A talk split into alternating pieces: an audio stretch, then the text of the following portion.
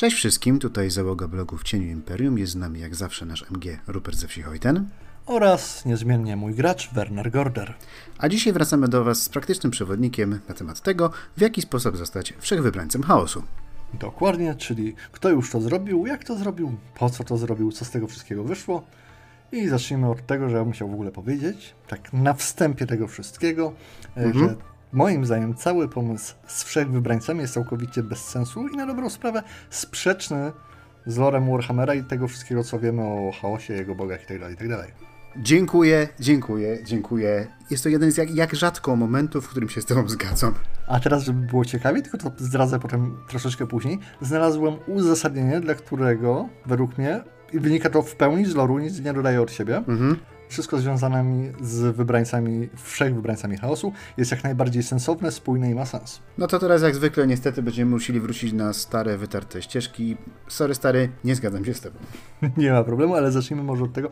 To oddam Tobie głos. Dlaczego to jest bez sensu? Przede wszystkim, okej, dobra, ja kupuję sytuację, w której wszyscy cztery bogowie chaosu, znaczy wszyscy, czterej. Odłóżmy na bok wady i sfary. Powiedzmy, że czterech i powiedzmy, że wszyscy, ale generalnie ktoś jest pobłogosławiony przez tych najważniejszych bogów chaosu jednocześnie. Jest to dość trudne do osiągnięcia, ale no powiedzmy mamy w loże 13 przykładów na to, jeśli komuś się to udało. Mhm. Okej, dobrze. I ten wszechwybraniec, Ever Chosen, pierwszy z nich został wysłany na świat z misją zniszczenia tego świata, znaczy inaczej podporządkowania go bogom chaosu i przy okazji zniszczenia go, prawda? Tak. To nie ma sensu, ponieważ jeśli zniszczysz ten świat, to przestaną istnieć emocje, na którymi żywią się bogowie chaosu. No ale generalnie to, jest, to są bogowie chaosu, więc okej, dobra, nie oczekuję od nich logicznego zachowania. Więc ja to kupuję, okej, dobrze, kupuję to. Natomiast mnie trochę denerwuje, w jaki sposób ci wszechwybrańcy są wprowadzani i są opisywani. Daruję tylko przerwę, Mhm. Bo widzisz, ja akurat mam zupełnie odmienne podejście do tego. To, co mi najbardziej w tym nie pasuje, to jest to, że właśnie czterech bogów chaosu jest w stanie się zgodzić na to, żeby jeden śmiertelnik był ich wybrańcem jednocześnie. W sensie, z mojej perspektywy. Wysoce nieprawdopodobne, prawda? Znaczy nie, w sensie nie tylko nieprawdopodobne. Z mojej perspektywy to wygląda w ten sposób, że wiesz, to nie jest tak, że powiedzmy świat Warhammera i tą całą mistyczną jego część możemy podzielić na skali, nie wiem, od zera do chaosu, czy nawet od prawości, tak lecąc po pierwszej edycji, czyli tam od tego Solkana i tak dalej, po lewej, przez powiedzmy bogów środkowych, czyli głównie takie ludzkie panteony i tam elfie krasnoludzkie. Ale już nie ma Solkana, pamiętaj. Wiem, że nie ma, ale po chaos z drugiej strony. Chodzi mi o to, że ludzkość, jak taka, wszyscy ludzie są zawsze gdzieś rozłożeni pomiędzy tymi bogami chaosu, jakby, byli w cen- jakby ludzie byli w centrum tej gwiazdy i każdy z bogów nomen omen chaosu i każdy z tych bogów zajmuje inny punkt, niektórzy przeciwko sobie, inni nie są aż tak bardzo przeciwni sobie, jednak każdy znajduje zupełnie inny punkt i jak zbliżasz się do jednego boga, no to siłą rzeczy musisz się oddalać od drugiego, tak? Ale jest na to proste rozwiązanie. Wystarczy zabić wyznawców wszystkich innych bogów niż bogów chaosu. Jeśli o to ci chodzi, że nagle byłoby za dużo, że jest jakaś równowaga, ponieważ są inni ludzie, którzy wierzą w. Ale nie, mi chodzi o to, że po prostu ja nie widzę sytuacji, w której na przykład Korn i Tsinch dogadują, wiesz, są w stanie się zrozumieć i dogadać. Moim zdaniem oni są swoim przeciwieństwem bardziej niż e, dla nich są, nie wiem, wszyscy ludzie, elfy, czy kulty Ulryka, czy czegokolwiek. Korn z Ulrykiem mają jakby takie jakieś wspólne, powiedzmy temat, jakby się spotkali przy piwie Korn z Ulrykiem, to mogliby O, pogadać o tym, tak, no tak, ale wiesz, mogliby pogadać o tym, że no w sumie stanięcie na polu bitwy z toporem naprzeciwko armii przeciwnika, która też ma topory, to nie jest zły sposób na spędzanie wolnego czasu, tak? Ale Korn z Cinchem tu nie ma nic wspólnego, to jest generalnie cała istota Korna i Cincha są sobie przeciwne, obrzydliwie wręcz. I dla mnie to jest bez sensu, że właśnie, wiesz, jest jeden wybranie z tych wszystkich bogów, gdzie oni są swoimi przeciwieństwami. Pomijając oczywiście tą teorię, którą się podzielę później już tak bliżej końca. Ale kontynuuj proszę ten swój wątek. To znaczy tak, jeśli chodzi o rzeczy, które tutaj według mnie nie mają sensu, no to przede wszystkim to, że na poziomie meta, jak to jest wprowadzane, wiesz, co o nich wiemy? Wiemy, że są to śmiertelnicy, którzy właśnie są wysyłani co jakiś czas na świat, żeby ten świat podbić w imieniu bogów chaosu. No okej, dobra. Jednym z podstawowych wymogów tego, żeby być wszechwybrańcem jest właśnie w jakiś sposób zwrócenie na siebie uwagę wszystkich czterech bogów, przeżycie tego w taki sposób, że otrzymuje się ten znak chaosu, Mark of Chaos. Który jest podstawową i właściwie chyba jedynym wyznacznikiem, wbrew temu, co tam wynika z historii Archaona, co do tego, jak, jak ten wszechwybraniec wygląda i czym się charakteryzuje, prawda? Musi mieć, przede wszystkim musi mieć Mark of Kios. Tak, znaczy I teraz- to jedna teraz- z rzeczy, no ale mów dalej. Teraz tak, wiemy o nich, że było ich 13, ponieważ Archon jest 13. Tak. Jest 13 tylko i wyłącznie dlatego, że według GW liczba 13 musiała kończyć świat, a zabrakło już tutaj chęci uzupełnienia lora o imiona ośmiu brakujących wszechwybrańców. Ale nie tylko imiona, ale również kierunki operacyjne, na których działali, no bo przecież co wiemy o wszechwybrańcach? Wiemy o nich to, że stają na czele armii, ruszają podbijać świat, prawda? Więc wiemy, że był Morkar, który walczył, wiemy, że był Wanger, który też walczył, wiemy, że był, że, że był Asavar Kul, to był ten, który dowodził inwazją podczas Wielkiej Wojny z Chaosem ze czasów Magnusa Pobożnego. Wiemy, że był Archon i był i Archon był 13, a Savar Kul był 12, a w międzyczasie był jeszcze jeden, którego opętał Belakor E, tak. i zostaje ośmiu, którzy są niewymienieni z imienia oraz nie wiadomo gdzie walczyli, ale musieli walczyć, czyli co? Nie walczyli w Starym Świecie, bo byłoby o tym informacje gdzieś przekazane. Nie najeżdżali na Nagarot, bo gdzieś w podręcznikach do Mrocznych Elfów byłyby o tym informacje. Pozostaje nam jedyny wniosek logiczny, że w takim razie ośmiu wszechwybrańców musiało atakować Kataj. To jest właśnie taka pierwsza rzecz, bo według aktualnego lore kiedyś był troszeczkę inny. Morkar, czyli ten pierwszy, został pokonany przez Sigmara. Tak. Co znaczy, że miało to miejsce mniej więcej 2,5 tysiąca lat temu, co przy 13 wszechwybrańcach daje nam jednego na niecałe 200 lat. Mhm. I rzeczywiście, no, smutna sprawa jest taka, że Brakuje nam tutaj paru, nie? Znaczy, że ośmiu z nich się nie zasłużyło. Znaczy, to jest taka kolejna sprawa, ale ja też uważam, że do tego jest wytłumaczenie w loże, bo ja mam, mówię, mam piękną teorię, która wszystko spina. Ale może zacznijmy od początku. Tutaj wypada, wydaje mi się, jednak powiedzieć o historii. Po pierwsze, Morkar nie do końca był pierwszym wszechwybrańcem, bo musimy się cofnąć, wspominaliśmy o tym w naszym odcinku o Albionie, pobieżnie, o Bellakorze.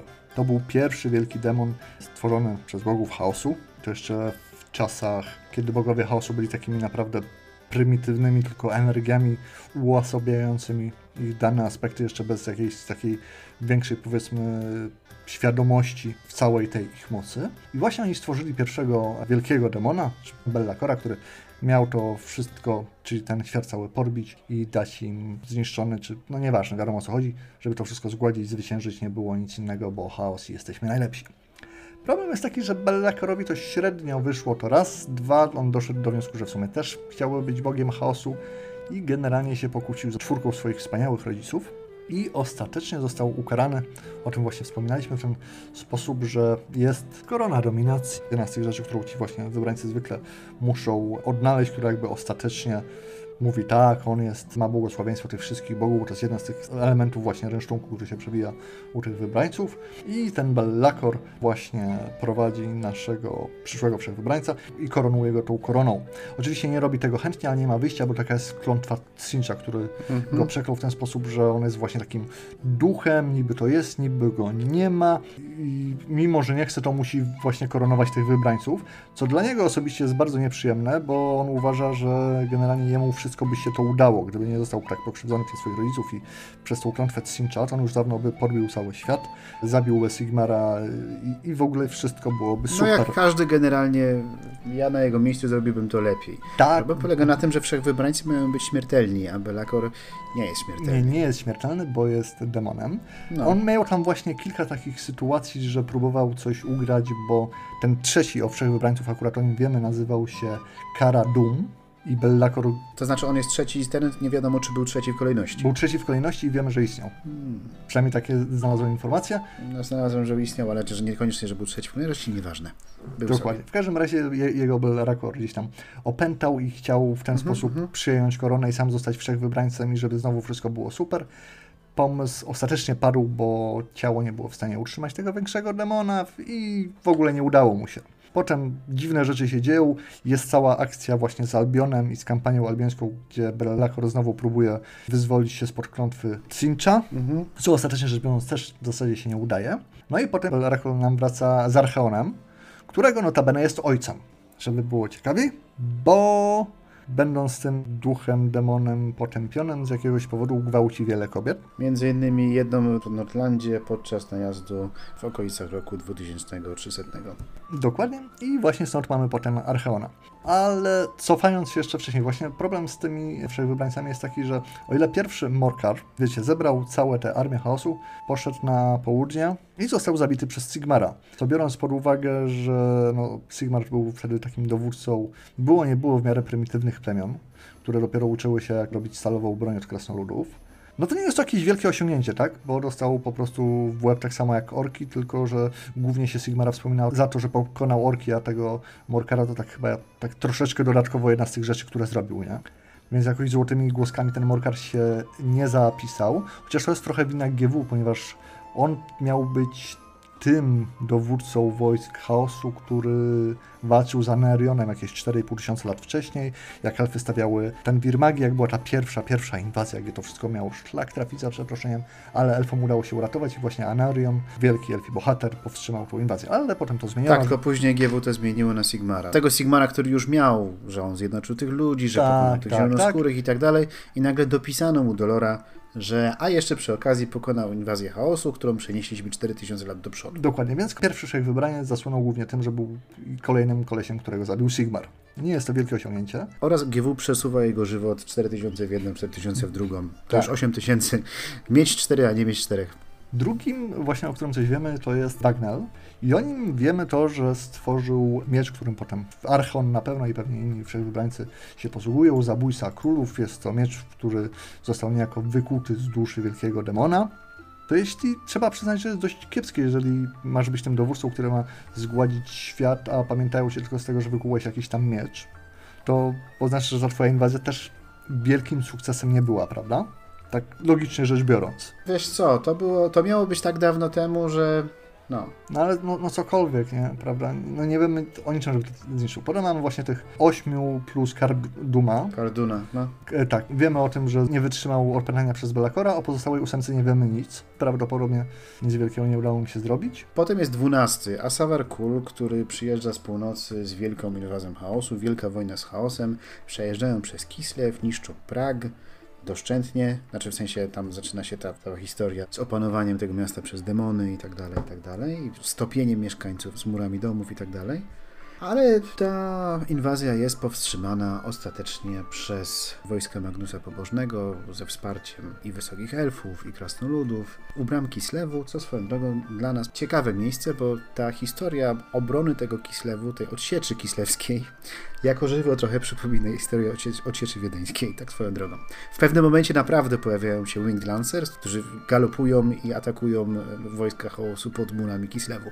Tak, chociaż jeżeli spojrzymy sobie na mapę świata Warhammera, Mhm. trzeba przyznać, że na marsz Wielkiej Armii, która idzie z pustkowie chaosu z północy, fakt, że udaje im się podbić Kislew, nie wydaje się być jakimś tam, wiesz... Chcesz powiedzieć, że nie jest to daleko? No nie, no nie, nie szczególnie, wiesz, myślę, że było sporo wtedy osób na przykład w Bretonii, Tilei, innej Estalii, które w zasadzie nawet nie wiedziało, że ten chaos atakuje, a zanim do nich informacje doszły, to już dawno został pokonany, no bo no trzeba przyznać tak z czysto geograficznego punktu widzenia, że to nie jest jakieś tam strasznie wielkie osiągnięcie, nie? Z pustkowie chaosu podbić wszystko aż do samego Kislewu, gdzie pomijając Kislew, to wszystko inne i tak jest, zwłaszcza, bo tam nik- nikogo innego nie ma, tak? Tak, a potem przychodzi Archon, który w pierwszej wersji dochodzi do Mindenheim. No właśnie, to tak jakby znowu nam pokazuje, jak naprawdę kiepscy są ci wszechwybrańcy. W sensie oni niby są tym raz na 200 lat, co z drugiej strony też jest relatywnie często, nie? biorąc pod uwagę, że Sigmara nie mamy raz na 200 lat. No nie.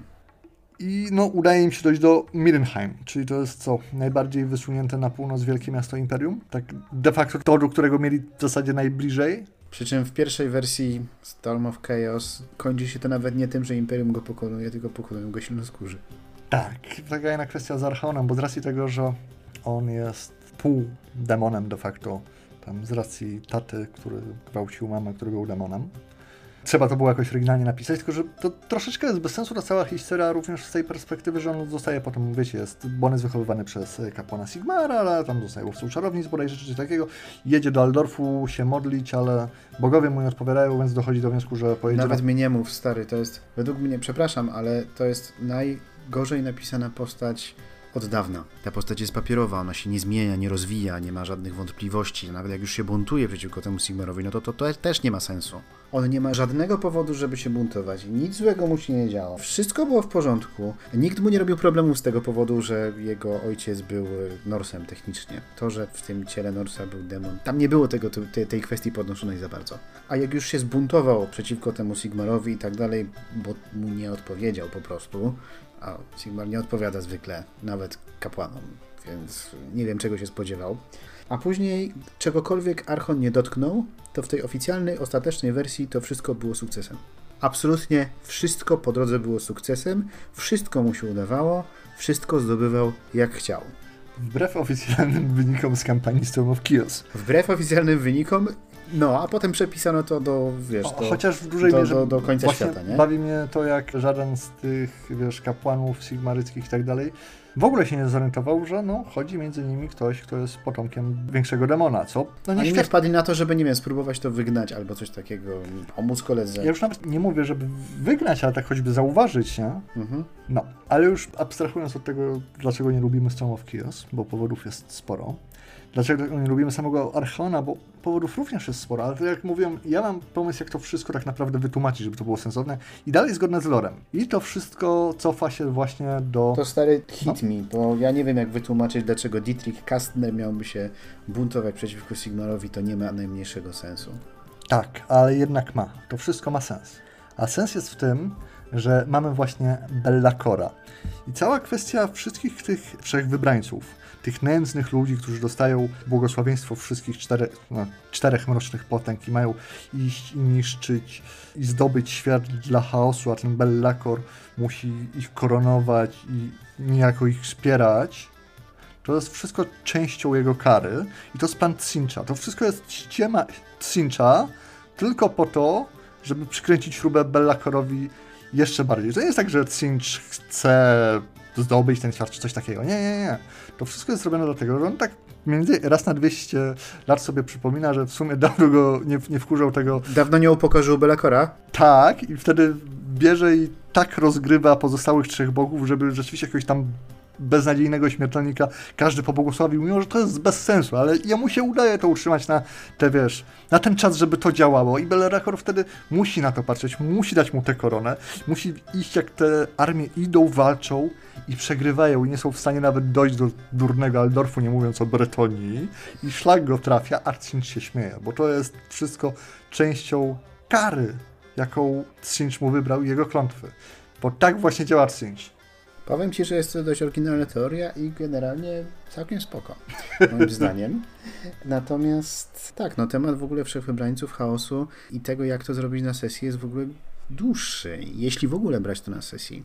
Znaczy właśnie się nad tym zastanawiałem, co byśmy mogli powiedzieć o tym, no ja jak tego użyć na sesji, bo prawda jest taka, że gramy po stronie Imperium, no to wszech wybrańcy już tacy, wiesz, potężni, załóżmy ten Archeon, no to można to jako MG sprzedać jakieś tam opisy, że postacie graczy czy coś nie uczy, że po prostu, żeby to zbudować. No ale to nam niewiele daje. Ja myślałem, żeby to ugryźć z zupełnie dru drugiej strony. No, jakiej? Gdzie mamy drużynę, która jest mniej lub bardziej kultystami, bo chciała bądź nie chciała, nieważne, to może być drużyna, która kiedyś, wiesz, po prostu była no normalnymi poszukiwaczami przygód, ale za dużo rzeczy na mutację im wyszło. W każdym razie masz drużynę kultystów. I teraz oni mają za zadanie wziąć i znaleźć tego śmiertelnika i doprowadzić, pomagać mu, który ma być kolejnym wszechwybrańcem, bo można wziąć jednego z graczy jako wszechwybrańca, ale mi się wydaje, że to by zaburzało dynami dynamikę w drużynie, ale wyobraź sobie, że masz jakieś postacie, które już mogą być na nawet bardzo potężne mhm. i macie tego jednego śmiertelnika, on jest przepowiedziany, on jest prorokiem, on jest tym Brianem, który zaprowadzi to, co trzeba. To znaczy ja...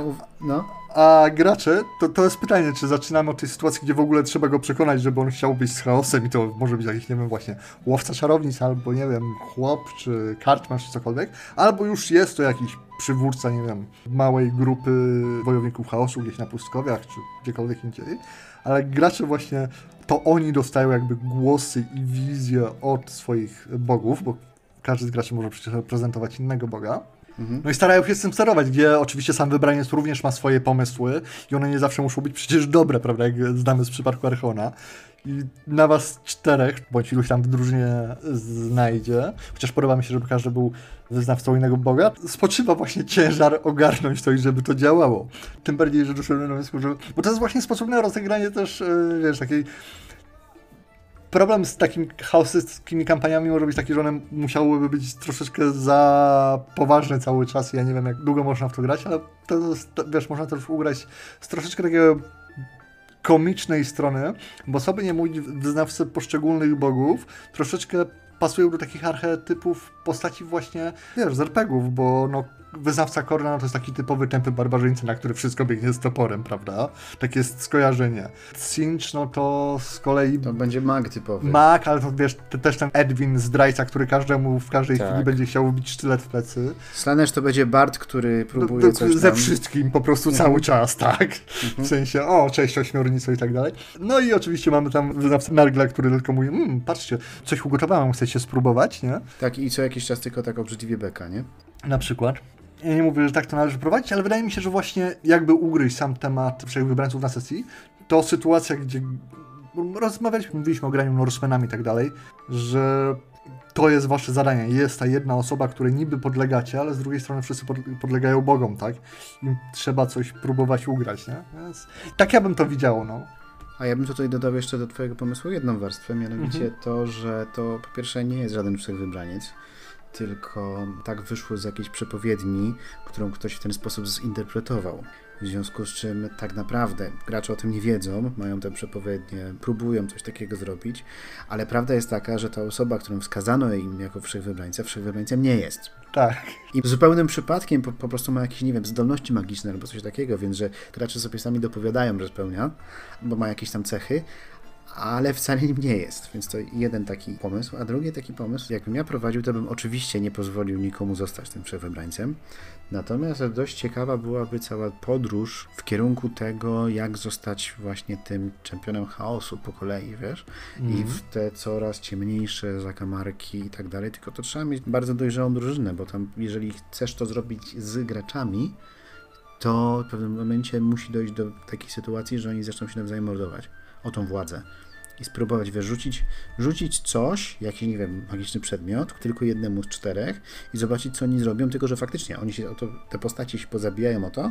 No i nie, nie wszyscy ludzie potrafią, nie wszyscy gracze potrafią w takich sytuacjach się, wiesz, odciąć od tego, e, że to są postaci, a nie gracze i wiesz, o co chodzi, nie? Tak, ja pamiętam lata temu był tom opowiadań właśnie z Warhammera. Mhm. Teraz poprawcie mnie w komentarzach, jeśli się mylę, ale wydaje mi się, że Tytuł to był Śmiech Mrocznych Bogów. I właśnie jedno opowiadanie traktowało o, o takim wojowniku chaosu, który podróżuje na północ ku bramą chaosu. tam poznaje jakiegoś takiego, który tam długo dłużej podróżuje. Ten drugi był chyba od kultu Slenesza, czy od kultu Sincha. Właśnie całe opowiadanie jest o tym, jak on podróżuje po tych pustkowiach, które są takie bardzo, bardzo odrealnione. No i co jakiś czas spotkały jakieś dziwne stwory, czy bandy, z którymi walczą, część się przyłącza i tak dalej. Mi się tam podobało, tam było tak powiedziane właśnie ten którego on tam spotkał, mu mówi, zapytany dlaczego za nim podąża, on mówi, że na tych pustkowiach jedyna rzecz, jaka jeszcze ma wartość, to jest sens i mieć po co coś robić. I że ten właśnie nasz główny bohater w tym opowiadaniu, jakby dla niego jest tym sensem, żeby za nim podążać i walczyć i iść dalej. I to jest jedno z niewielu opowiadań z Warhammera, które dobrze mi się kojarzy, w sensie jako coś naprawdę fajnie napisanego, tylko że to też czytałem na pewno 15 lat temu albo więcej, więc nie wiem, czy wciąż jest dobre, czy to wtedy tak myślałem. Ale o ile powiedzmy koncepcja, wiesz, drużyny, która udaje się na te pustkowia, żeby rzeczywiście gracze się tam, lub choćby jeden, jeden z nich mógł stać tym czempionem chaosu, mhm. zastanawiam się, czy to jednak nie jest nudne, jakbyśmy to chcieli roz, rozegrać na więcej niż absolutnie kilka sesji, bo wiesz, pomijając odgrywanie jak chcemy to jeszcze robić na poważnie, żeby to tak było naprawdę mroczne, gdzie wiesz, są te portrety i tak dalej, rozumiem, co można z tym chcieć zrobić. Też nie wiem, czy by to wyszło. Nie wiem, to jest tylko, wiesz, pomysł taki głośno rzucany. Znaczy nie, tak, to znaczy nie mówię, że pomysł jest zły, tylko właśnie zresztą chyba każdy, kto gra w Warhammera się kiedyś zastanawiał nad, nad tym motywem, ale szczerze nie wiem, czy takiej poważnej, brutalistycznej, takiej właśnie jesienno-gawendowej mhm. wizji Warhammera, czy to jest coś więcej do uciągnięcia niż długi jednostrzał tak naprawdę jest. To może być sesja dwie, trzy, Raczej ale... nie, bo ta podróż jest tylko w jedną stronę, wiesz, bo jeżeli faktycznie, nawet jeśli ktoś nie zostanie tym czempionem, ale sama ta podróż jest dość ciekawa, w sensie takie eksplorowanie takich dziwnych motywów, których normalnie zupełnie nie eksplorujesz, nie?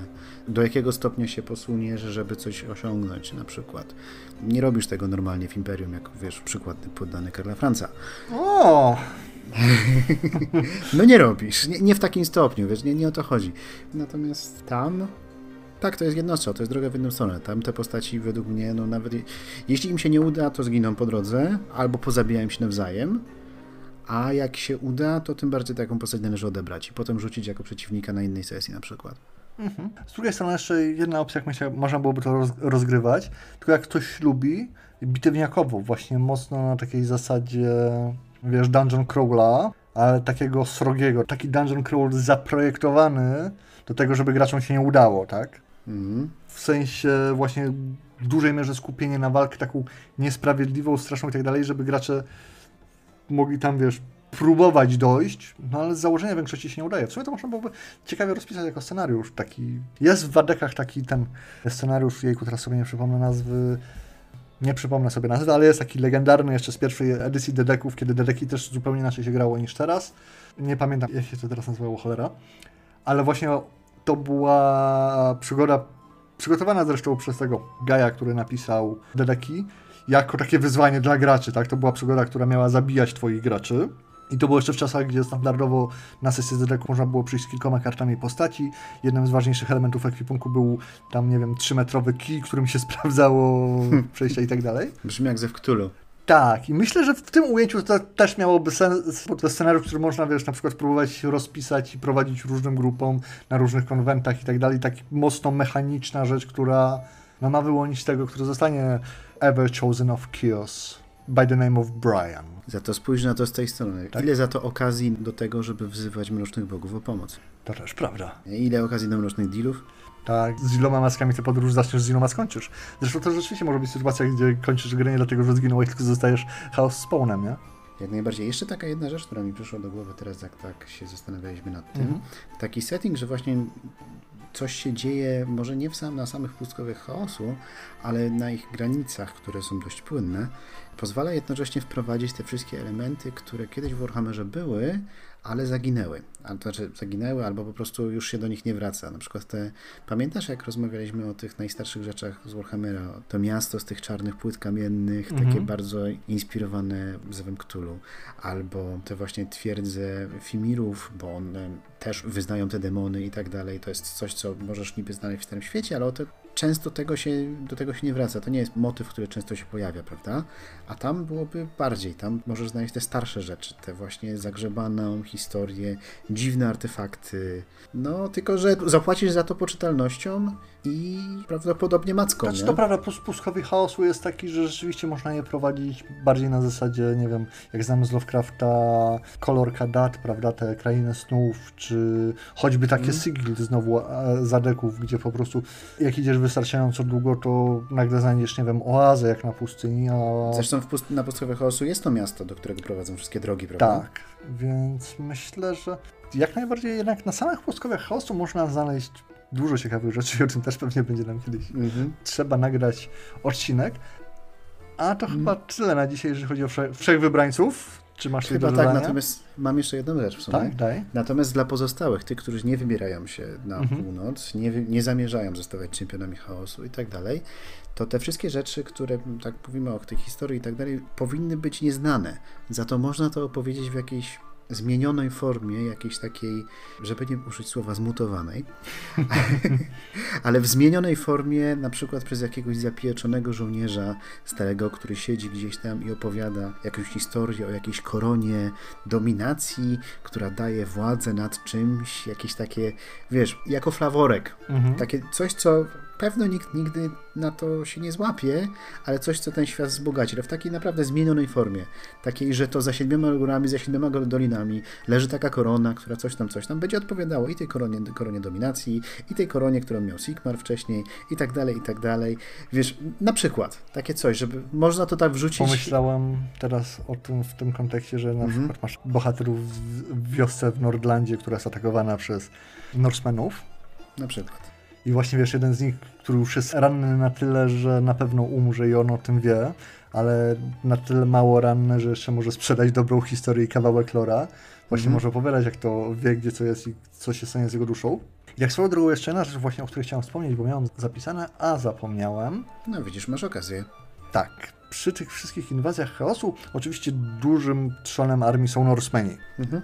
Ale nie tylko oni. Tak, to prawda, ale chodzi mi bardziej o to, że właśnie są nie tylko oni, są też demony i tak dalej. Tylko, że wiesz, z perspektywy tych Norsemenów, to de facto oni idą do wojny, wiesz, ze swoimi odpowiednikami e, aniołów czy walkirii, wiesz, dla nich to jest taki de facto Ragnarok za życia. Oni idą walczyć na, na swój sposób ze swoimi bogami i to jest epic jak jasna cholera, w sensie, żeby to grać jak kiedyś rozmawialiśmy o Norsce, prawda, że... W sensie nie walczyć z nimi, tylko że ci bogowie walczą razem z nimi. No, ramię w ramię, a, a widzisz demona, no to tak. Jeżeli jesteś kultystą Korna, z wojownikiem norsmańskim mm -hmm, i z tobą idą do boju blotletery i tak dalej, no to... Mm -hmm. No to walkirie praktycznie, nie? Tak, no, no, wyżej się nie da tak na, na, na swój sposób za życia, nie? Praktycznie rzecz biorąc. Więc to jest jedna, właśnie taka jedna rzecz, o której chciałem wspomnieć, bo to też myślę, że to jest ciekawy aspekt tego wszystkiego i można próbować to gdzieś ograć na sesjach. No też tak myślę. Tak. Ale to tyle na dzisiaj. Zamkniemy się już o wszechwybrańcach. Jak widzicie, mamy takie, a nie inne podejście do tematu. Jest to jeden z tematów, które wybraliście w naszej ankiecie. Za kolejne również się zabierzemy, ale jak zawsze liczymy na to, że w komentarzach powiecie nam nie tylko to, co myślicie o tym, o czym mówiliśmy dzisiaj, ale o czym byście chcieli, żebyśmy powiedzieli jeszcze w przyszłości. A oprócz tego mamy duże takie obwieszczenie noworoczne.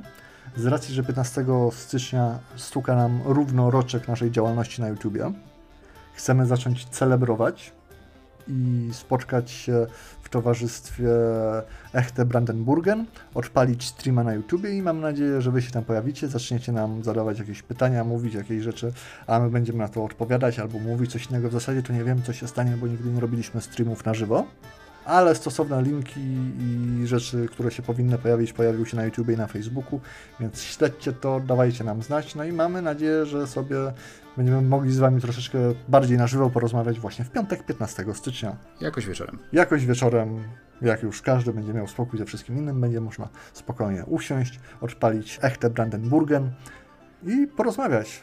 Zatem z tym Was zostawimy, a póki co chwała Cinchowi i Imperium. I Sigmar.